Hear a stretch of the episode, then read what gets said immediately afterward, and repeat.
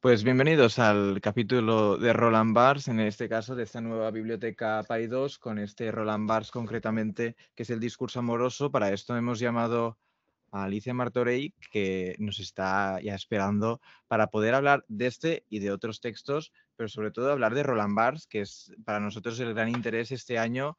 Eh, estamos encuriosidos, nos encanta esta edición eh, que ha hecho la nueva biblioteca Roland Barthes. Tendremos tiempos de hablar sobre, todo de ediciones, de, la calidad del texto y de todo. Pero primero de todo, Alicia, ¿qué tal? ¿Cómo estás? Y gracias por atendernos a Mentre Mientras. No, yo estoy encantada y además me parece, me siento siempre muy agradecida cuando la gente recurre a los traductores para hablar de sus autores, porque eh, eso nos hace, hace nuestro trabajo más, más visible y bueno, mm, es un reconocimiento de alguna manera que nosotros tenemos que aportar, tenemos un punto de vista para aportar. Así que gracias a vosotros. Eh, cuando hay un clásico universal últimamente, ¿no? Es indiscutible hablar con el traductor por ver qué versión ha hecho el clásico. Eso no pasa tanto con el ensayo, la filosofía, ¿no? Y a veces sería, sería más importante justamente para saber qué decisiones se han tomado, ¿no? Y en este caso, eh, aquí una complejidad increíble, terminológica y sobre todo conceptual también. Eh, claro, eh, eso que dices es, muy importante porque en ciencias humanas, si pensamos, a ver, cómo los traductores somos de alguna, formamos parte de la cadena del conocimiento de alguna forma, es decir, eh, somos investigadores cuando estamos eh, vertiendo o, formamos parte de esa cadena a hombros de gigantes que va de un investigador al siguiente y al siguiente y al siguiente. Entonces yo creo que es importante que en una traducción se sepa con qué criterios se ha hecho porque vendrán investigadores detrás que trabajarán sobre nuestra traducción y que necesitarán saber, necesitarán tener una trazabilidad de cuáles han sido nuestros, nuestros criterios, igual que cuando leemos a un filósofo queremos saber cuáles han sido sus fuentes o en qué se ha basado. Y eso a mí me, importa mucho en una traducción, que sea trazable. Eso plantea dos problemas, tres. Primero es el problema de la, de la edición en sí, es decir, debajo de mi trabajo hay un trabajo de edición sobre textos volátiles, que, que en este caso es de Eric Martí y, y, ¿por qué se me van los nombres de la cabeza? Dime el nombre del otro editor. Eh, em, Cost. Eh, Cost. Claude Cost. Eh, hay un trabajo muy bueno de, estas personas que fueron preparando los textos de Bartes mm, y, y, preparando la edición que me he encontrado yo. por otro lado está el tema de que efectivamente son textos que no sabes hasta qué punto los puedes editar. Y eso a la hora de la, porque son notas, a la hora de la traducción plantea otros problemas, porque la traducción ya de alguna forma es una capa de edición adicional sobre el texto original. Entonces, si tú partes de la base de que las reglas de mayúsculas no son las mismas en español y en francés y te encuentras en un texto una superinflación de mayúsculas, te planteas qué tienes que hacer, si las conservas, si no las conservas, eh, signos de puntuación o, de o marcas en el texto que no son exactamente las que, las que encontrarías en un discurso corrido.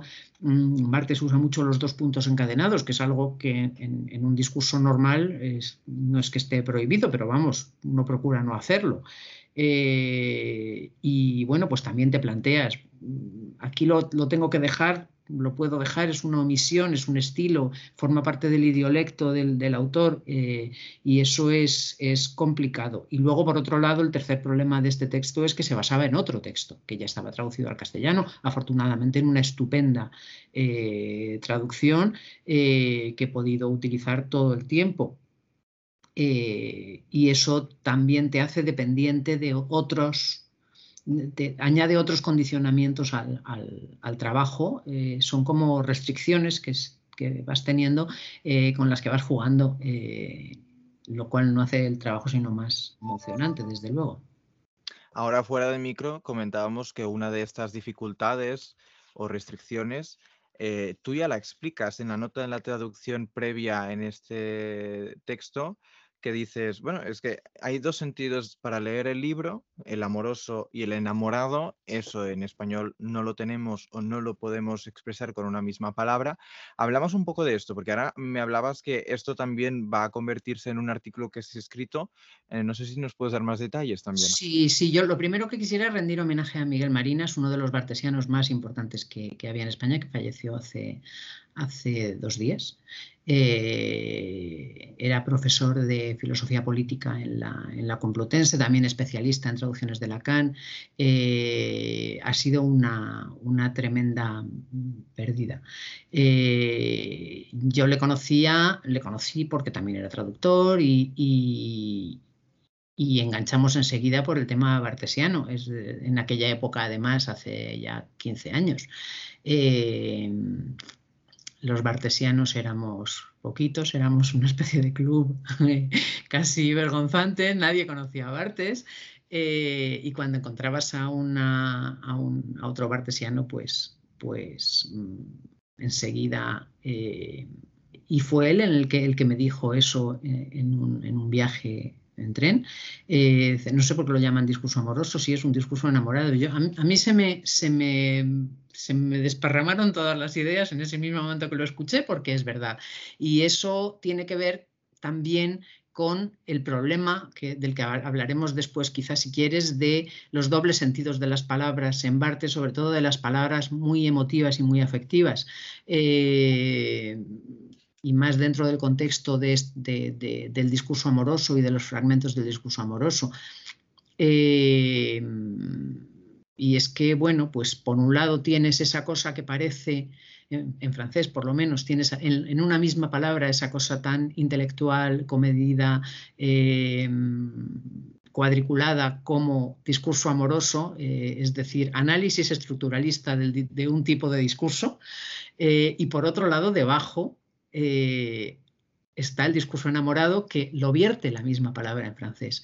Y, bueno, ahora también se empieza a ver hasta qué punto eh, la obra de Bartes era autobiográfica en este sentido. Son cosas de las que él era una persona súper discreta y sus amigos eran como una guardia pretoriana que jamás han hablado de nada. Pero bueno, ahora empiezan a salir biografías eh, y empezamos a ser conscientes de alguna manera de que los fragmentos de un discurso amoroso tienen un componente autobiográfico importante y que de verdad estamos hablando de un discurso enamorado. Eh, es decir, por un lado tenemos la capa estructuralista y contenida y por otro lado tenemos esa capa violenta y, de emociones, cargada de emociones, eh, que, que, en francés están en una misma palabra y en español no. Obviamente en español eh, yo me tenía que quedar con, el título tal y como era. Quiero decir que el discurso amoroso no es nada más que la continuación o las notas preparatorias o los inéditos relacionados con los fragmentos de un discurso amoroso que ya estaban traducidos al español. Pero eso es, verdad. Eh, que, está el discurso enamorado debajo del discurso amoroso y, bueno, eso es, esa es una, idea que yo le debo a, a Miguel Marinas. Y si continuamos, eh, hay, muchas cosas, ¿no? Hay la cuestión esta de, leerlo como seminarios, hay textos, eh, diría inacabados, pero no es la palabra concreta, ¿no? Simplemente eh, están pensados como, como apuntes, como a veces lo que decías, ¿no? De las notas con los por, los puntos, por lo que, hace, lo que hace correspondiente también a las citas introducidas de una forma eh, a veces benjaminiana. Me gustaría preguntarte, porque ya de entrada entras en un juego que parece como que te ha colocado Bartes, que es en este caso con el Werther, y con el Werther va a ir continuando y va a ir sumando capas, capas, capas. Eso ya me imagino que desde un punto de vista de traducción ya tiene la complicación eh, de, ir utilizando determinadamente todas estas citas que él te pide. Hombre, yo tuve mucha suerte con las dos obras básicas de este texto, que son el Fedro y el, y el, Werther, porque de las dos pude trabajar con traducciones muy buenas. Eh, la de Werther me, ayudó a elegirla un compañero traductor de, alemán, eh, Carlos Fortea, Eh, y, la traducción de Berta Vías no solamente es impecable, sino que además, por una de esas cosas maravillosas, se ajusta exactamente a la visión digamos, a, la traducción que estaba manejando Bartes, por decirlo de alguna manera, porque claro, Bartes no, no estaba trabajando con el alemán, estaba trabajando con una traducción del alemán al francés que había pasado ya por el filtro de un traductor determinado, con una forma de entender las cosas determinada. Eh, eso es otra cosa que también le debemos a, a Bartes eh, que es que eh, estas capas no son neutras. Eh, el neutro no se sabe si existe. Entonces un traductor va añadiendo de alguna forma su propia, su propia visión y su propia... Entonces yo, en eso tuve mucha suerte en que la traducción de Berta Vías se ajustara mucho a la que, a la que utilizaba eh, Bartes, que también estuve consultando. pero no siempre. Mm, ha habido veces, eh, tú mismo lo comentabas hace un momento yo no me acordaba, eh, que tuve que poner notas diciendo, bueno, pues en este caso no puedo utilizar la traducción de Berta Vías que he estado utilizando eh, hasta ahora porque no me encaja con lo que me está diciendo Bartes. y eso, bueno, es normal. son cosas que pasan todo el rato en las traducciones. así que, bueno. Mm, con el, con el Fedro es distinto porque a pesar de que estuve usando una traducción eh, muy buena, eh, hay muchas, entonces siempre puedes tener una especie de hacer una especie de traducción Frankenstein tomando trozos de unas y de otras, pero no, en este caso tampoco lo necesité. Pero sí, son muchas capas de texto, unas encima de otras. Son capas y después hay capas eh, de interpretación que, que, tu labor ¿no? es trasladarlo en la lengua española o como mínimo ¿no? no traicionar ninguna capa de interpretación que el lector pueda hacer en la lectura de este. Claro, pues es lo que, lo, que decíamos, yo tengo que intentar ser neutra en la medida de lo posible, si es que eso es posible, eh, en el sentido de no condicionar o condicionar lo menos posible, que, mi lectura condicione lo menos posible la del lector que venga detrás de mí. Mm, sí, eso tiene que ser así a la fuerza. Y hay una pregunta vinculada más a nivel de interpretación eh, ¿qué intenta hacer en este texto? Porque intenta hacer muchas cosas, ¿no? Pero preguntaría por, ahora yo creo que hay, un elemento vinculado a lo amoroso y lo enamorado que yo creo que aquí es importante. Después hay un territorio en la resolución que le permite la psicoanálisis en muchas de las cosas que él plantea.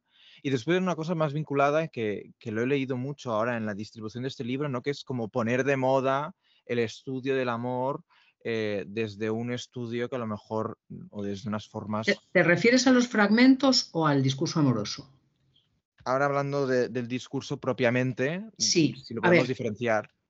Aquí tenemos también varias capas. La primera capa son los fragmentos. De los fragmentos nace eh, este, este, libro, El discurso amoroso, es un, libro Frankenstein, por eso tiene que haber sido tan difícil editarlo eh, en francés. Es un libro que está formado por, si mal no recuerdo, eh, las notas para el curso en el Collège de France, que se puede escuchar, si lo quieres escuchar, lo puedes escuchar, y es apasionante escuchar a, a. Eh, están, las notas para el curso, que son notas, por eso parece que está inacabado, porque es que es, un texto que no, estaba, no, se publicó nunca. Es un, esto son inéditos y no solo son inéditos, sino que son textos que no están preparados para publicar. Entonces, las notas que él preparaba para ir a clase, como cualquier profesor se va a clase con sus apuntes, eh, son este libro. Eh, los editores han añadido, además, todos los descartes es decir, las fichas que no se publicaron en los fragmentos de un discurso amoroso, pero que formaban parte de este trabajo de investigación. Entonces, con todo eso tenemos este libro y no sé si hay algo más. Eh, pero bueno, básicamente son esas dos cosas.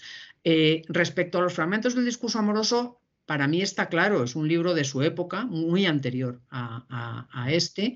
Eh, es, un intento de análisis estructuralista de un tipo de discurso, como decíamos hace un momento, es decir, el discurso amoroso, igual que puedes eh, puedes hacer eh, un análisis del de, eh, discurso publicitario o igual que puedes hacer una, que también lo hizo en mitologías, o puedes hacer análisis de otros tipos de discurso. Yo creo que Bartes empezó así, delimitando tipos de discurso y haciendo análisis puramente estructuralistas, lo que pasa es que la cosa se le fue de madre y se le fue de madre sobre todo con este libro, es decir, el estructuralismo de Bartes es muy particular, no es el de Saussure, no es el de Levi-Strauss, es otro estructuralismo que, se le están reventando las costuras ya, porque, porque esa es la época, la época de Bartes. Mm, Eco vino inmediatamente después con la estructura ausente y ahí explotó todo. Yo a veces me pregunto cómo es posible si, si, si Eco, eh, cuando estaba escribiendo el Tratado de Semiótica y Bartes en, la misma época que estaba escribiendo esto, no estaban en contacto, que aparentemente no, eso sí que lo intenté mirar y no encontré ninguna pista. Pero es el momento en el que al análisis estructuralista le explotan las costuras por todos los lados. Las mitologías todavía pues es algo eh, más manejable porque son fichas. Y las fichas siempre son más manejables pero, pero los fragmentos del discurso amoroso, ya el, título de fragmentos ya te dice que estamos hablando de algo que es muy difícil ponerle una cuadrícula. Entonces yo creo que, sobre todo es eso, no, es, un, es un, primer intento, por un lado, de analizar desde el punto de vista de las estructuras subyacentes el discurso amoroso y es un darse cuenta en un momento dado eh, que los sentimientos desbordan completamente ese análisis y eh, es, lo que han convertido ese libro en, lo que fue y, que ha acompañado a tantísima gente en su vida personal, a tantísima. Ahora ya no está de moda, pero, pero en, aquella época era, era, como El arte de amar de Eric Fromm, era el libro que se regalaban eh, los compañeros intelectuales unos a otros antes de empezar una relación. Eh, era mm, eh, fue muy importante en su época. Hay una, eso se ve muy claro en el programa post de, de Bernard Pivot, eh, cuando le llama como un, autor de bestseller y él está totalmente flipando y no entiende qué es lo que pinta él ahí. Creo que está con Sagan, me parece, no me acuerdo, hace mucho que lo vi. Eh, pero es realmente llamativo verle ahí con su traje y su, y su chaleco eh, sin entender por qué le han colocado ahí como si fuera un autor de bestseller, que es lo que era en aquella época. Eh, es, yo creo que es, en, el placer del texto, me parece. Eh, habla del, texto como, como, cuerpo cierto, que es un término jurídico, pero que también es tremendamente existencialista, por decirlo de alguna manera. Bartes, aunque no era existencialista, digamos que no estaba entre los enemigos de Sartre, eh, estaba más bien entre los amigos. Eh, en el placer del texto, sí. Y ahora, ahora nosotros ya tenemos la oportunidad de desechar todo lo demás, todo lo que nos han dicho sobre su vida, sobre su obra, sobre sus grupos políticos o no políticos, sobre sus grupos académicos, sobre si era estructuralista, si se peleó con Levi-Strauss o no se peleó con Levi-Strauss, cómo se llevaba con Barthes, si viajó a China o no viajó a China. Ahora podemos tomar el texto y ver solo el texto. Eso sería un poco ya lo que nos pediría el mismo Roland Barthes, que es lo que viene a decir en esta muerte del autor.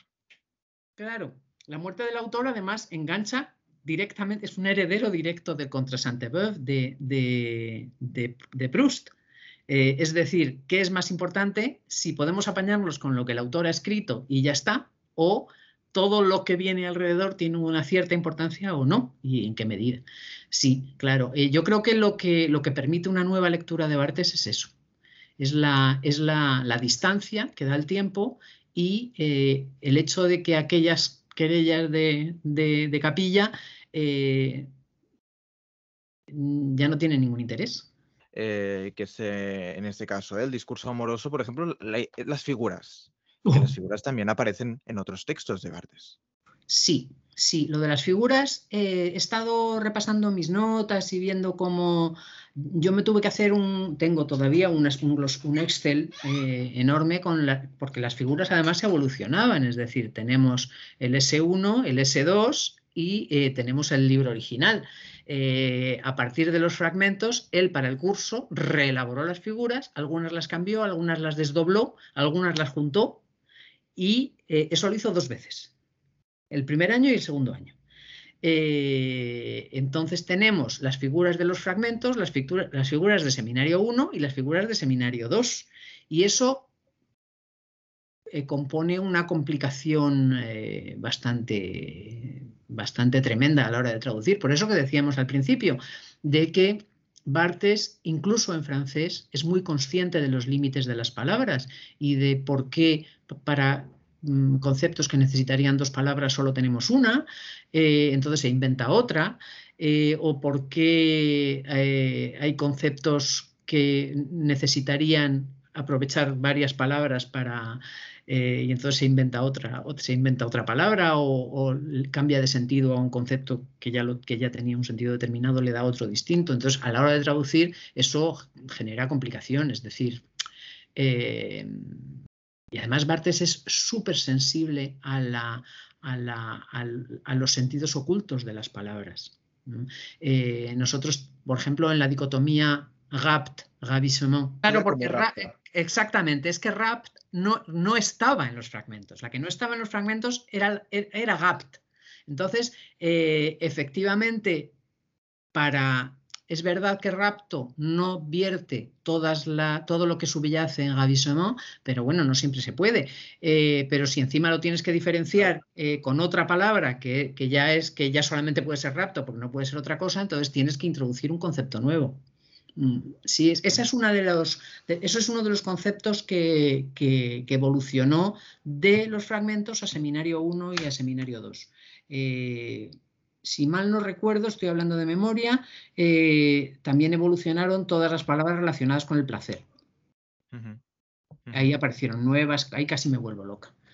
Eh, ahí casi me vuelvo loca, porque ahí trabajaba con el Corripio, que es un diccionario de ideas afines, entonces iba haciendo listas y listas y listas y listas de campos semánticos, eh, miles de listas con, el, con los catálogos del María Moliner, eh, con el Corripio, con el Seco, perdón, no en el Seco, el, ah, diccionario anterior, ah, se me borra. Bueno, hay un diccionario anterior al seco que también tiene catálogos y sinónimos y también son ideas afines. Eh, la, gente que me escuche, que sepa que reconocerá el diccionario porque eh, es muy famoso. Entonces me iba haciendo listas inmensas de conceptos eh, que usaba como caja de herramientas. Entonces iba cogiendo ahora esta, ahora la otra y poco a poco iba, iba cuadrando las, cosas y a medida que iba cuadrando lo pasaba al Excel. Sí, tengo otro glosario que me hice con el, el diccionario Laplanche, cogí la versión francesa, el de psicoanálisis y cogí la versión, la Planche era del mismo círculo que, mm, Bartes, eh, es decir, es de suponer que utilizarían la misma terminología. Cogí la versión francesa y la traducción al español, que también es muy buena, y me hice también un glosario para poder eh, usarlo para los términos psicoanalíticos, que hay muchísimos. Y aquí me gustaría preguntarte por el, uno de las que has traducido hace poco, eh, ¿dónde se inscribe en la tradición francesa? Porque será por tradiciones en Francia esta nostalgia que aparece en Alianza de la Bárbara. De Bárbara Casán, sí. Eh, Bárbara Casán es una autora muy particular también. A mí me podría haber sido perfectamente alumna de Bartes. Eh, porque su forma de pensar y de, teorizar es muy parecida. Eh, no sé si es una nueva generación, es de la generación de los alumnos de Bartes, es decir, Antoine Compañón, Philippe Solers, eh, Julia Cristeva, todo ese grupo de segunda generación, que es gente que ya es mayor que yo, pero no mucho mayor. lo que no sé es lo que viene después, no tengo ni idea porque ya estamos hablando de gente de 60, de 70 años. Mm. Eh, entonces no sé, no sé si después eh, hay otra generación, ha crecido otra generación que haya, que haya tomado el relevo eh, y de qué manera. Mm, no sé. Creo que estoy un poco más desconectada de lo que, de lo que, de lo que he estado de, la generación de Bartes y de la posterior. Y en el caso concreto de esta nostalgia de la Bárbara Casín, ¿por dónde va la... Ah, es un, texto, es un texto es un texto sobre textos también. Eh, tiene dos partes, claro. La primera, en la primera parte empieza con Ulises, obviamente. Eh, es decir, es la nostalgia según Ulises. Eh, la segunda parte es la nostalgia según Eneas, que es un cambio, digamos, muy radical de la nostalgia griega a la nostalgia romana y eh, termina eh, que parece como si fuera un pegote porque es un salto tremendo, pero no está totalmente relacionado, termina con Ara Arendt. Eh, con todo lo que tiene que ver con la nostalgia del idioma y la nostalgia del país, si es la misma o no es la misma. Es decir, resume todo lo que hemos visto con dos exiliados, bueno, primero con un viajero, después con un exiliado que arraiga, lo, remata con una exiliada que no arraiga, que es Ana Arendt. Eh, y ahí engancha con otros temas como puede ser bueno, pues el, nacionalismo, eh, las, las identidades, las identidades religiosas, las identidades raciales. Eh, es un libro que fue también dificilísimo porque el manejo de, las distintas capas y de los distintos eh, textos también fue muy complicado, pero es un libro con el que he disfrutado muchísimo, muchísimo. acaba de salir en, en Alianza Editorial, sí. Eh, llevamos ya media hora de entrevista, eh, podríamos continuar y, yo tengo muchas ganas de, poder continuar eh, porque nos quedarían cosas, ¿no? antes hablabas, ¿no? De cómo se está abriendo esta cosa que era entender el círculo Bartes, ¿no? Y supongo que también habrá nuevas miradas por lo que hace Bartes y el teatro, Bartes y los escritos de teatro, Bartes y Brecht, ¿no? Eh, a, mí, por ejemplo, en la biografía, la, biografía de Cullen no la he leído todavía. Eh, está en la lista corta, pero no sé cuándo llegaremos a ella. Eh, pero la de la de Rosiana Samuayo me ha abierto campos que yo desconocía por ejemplo, el tema del teatro, que es verdad que sí que lo trata en Gassin, pero es que en Gassin lo trata de una forma tan, tan distinta, quiero decir que Gassin no es, no es Brecht, y en realidad eh, Barthes era un fanático de Brecht y un estudioso de Brecht y sabía todo lo que había que saber sobre Brecht. Eh, ha sido un placer poder tener estos 40 minutos. De verdad, me, lo he pasado estupendamente y, y os deseo además mucho ánimo y mucha no sé, a mí me da mucho gusto ver que, en las facultades sigue habiendo gente joven que quiere hacer cosas y que sigue haciendo cosas y que, que dedica el tiempo a, bueno, a, que el mundo avance un poco y el pensamiento. Y a leer, y a leer sobre y todo. Leer, y, a leer, es mucho, mucho gusto. Nos ha, nos ha regalado este volumen horas y horas de lectura y esto es una maravilla. También tengo aquí el Estefan Mosés, que también lo traduciste tú en cátedra eh, un, también uno de los textos ¿no? que nosotros como estudiantes aún recurrimos ¿no? en muchos de los casos como puntales ¿no? de lo que son ahora el conocimiento de las humanidades y que sobre todo está en totalmente crisis, reconstrucción y veremos también cómo aguanta lo que entendemos por academia, universidad y, y veremos también de estos nombres, ¿no? También las próximas generaciones también a quién van a leer y si solo se van a quedar con el señor Agamben, que es un poco la, pregunta, ¿no? Pero será interesante esto, dejarlo para el futuro. Ha sido un placer, Alicia. Para mí también, muchísimo. Muchas gracias, de verdad. Deberás volver. Eh, iba a decir, vuelve cuando quieras, pero no, no, no. Deberás volver, no sé con qué. Cuando me llames, estaré. Pero será maravilloso. Muchas gracias, Alicia. Gracias a vosotros.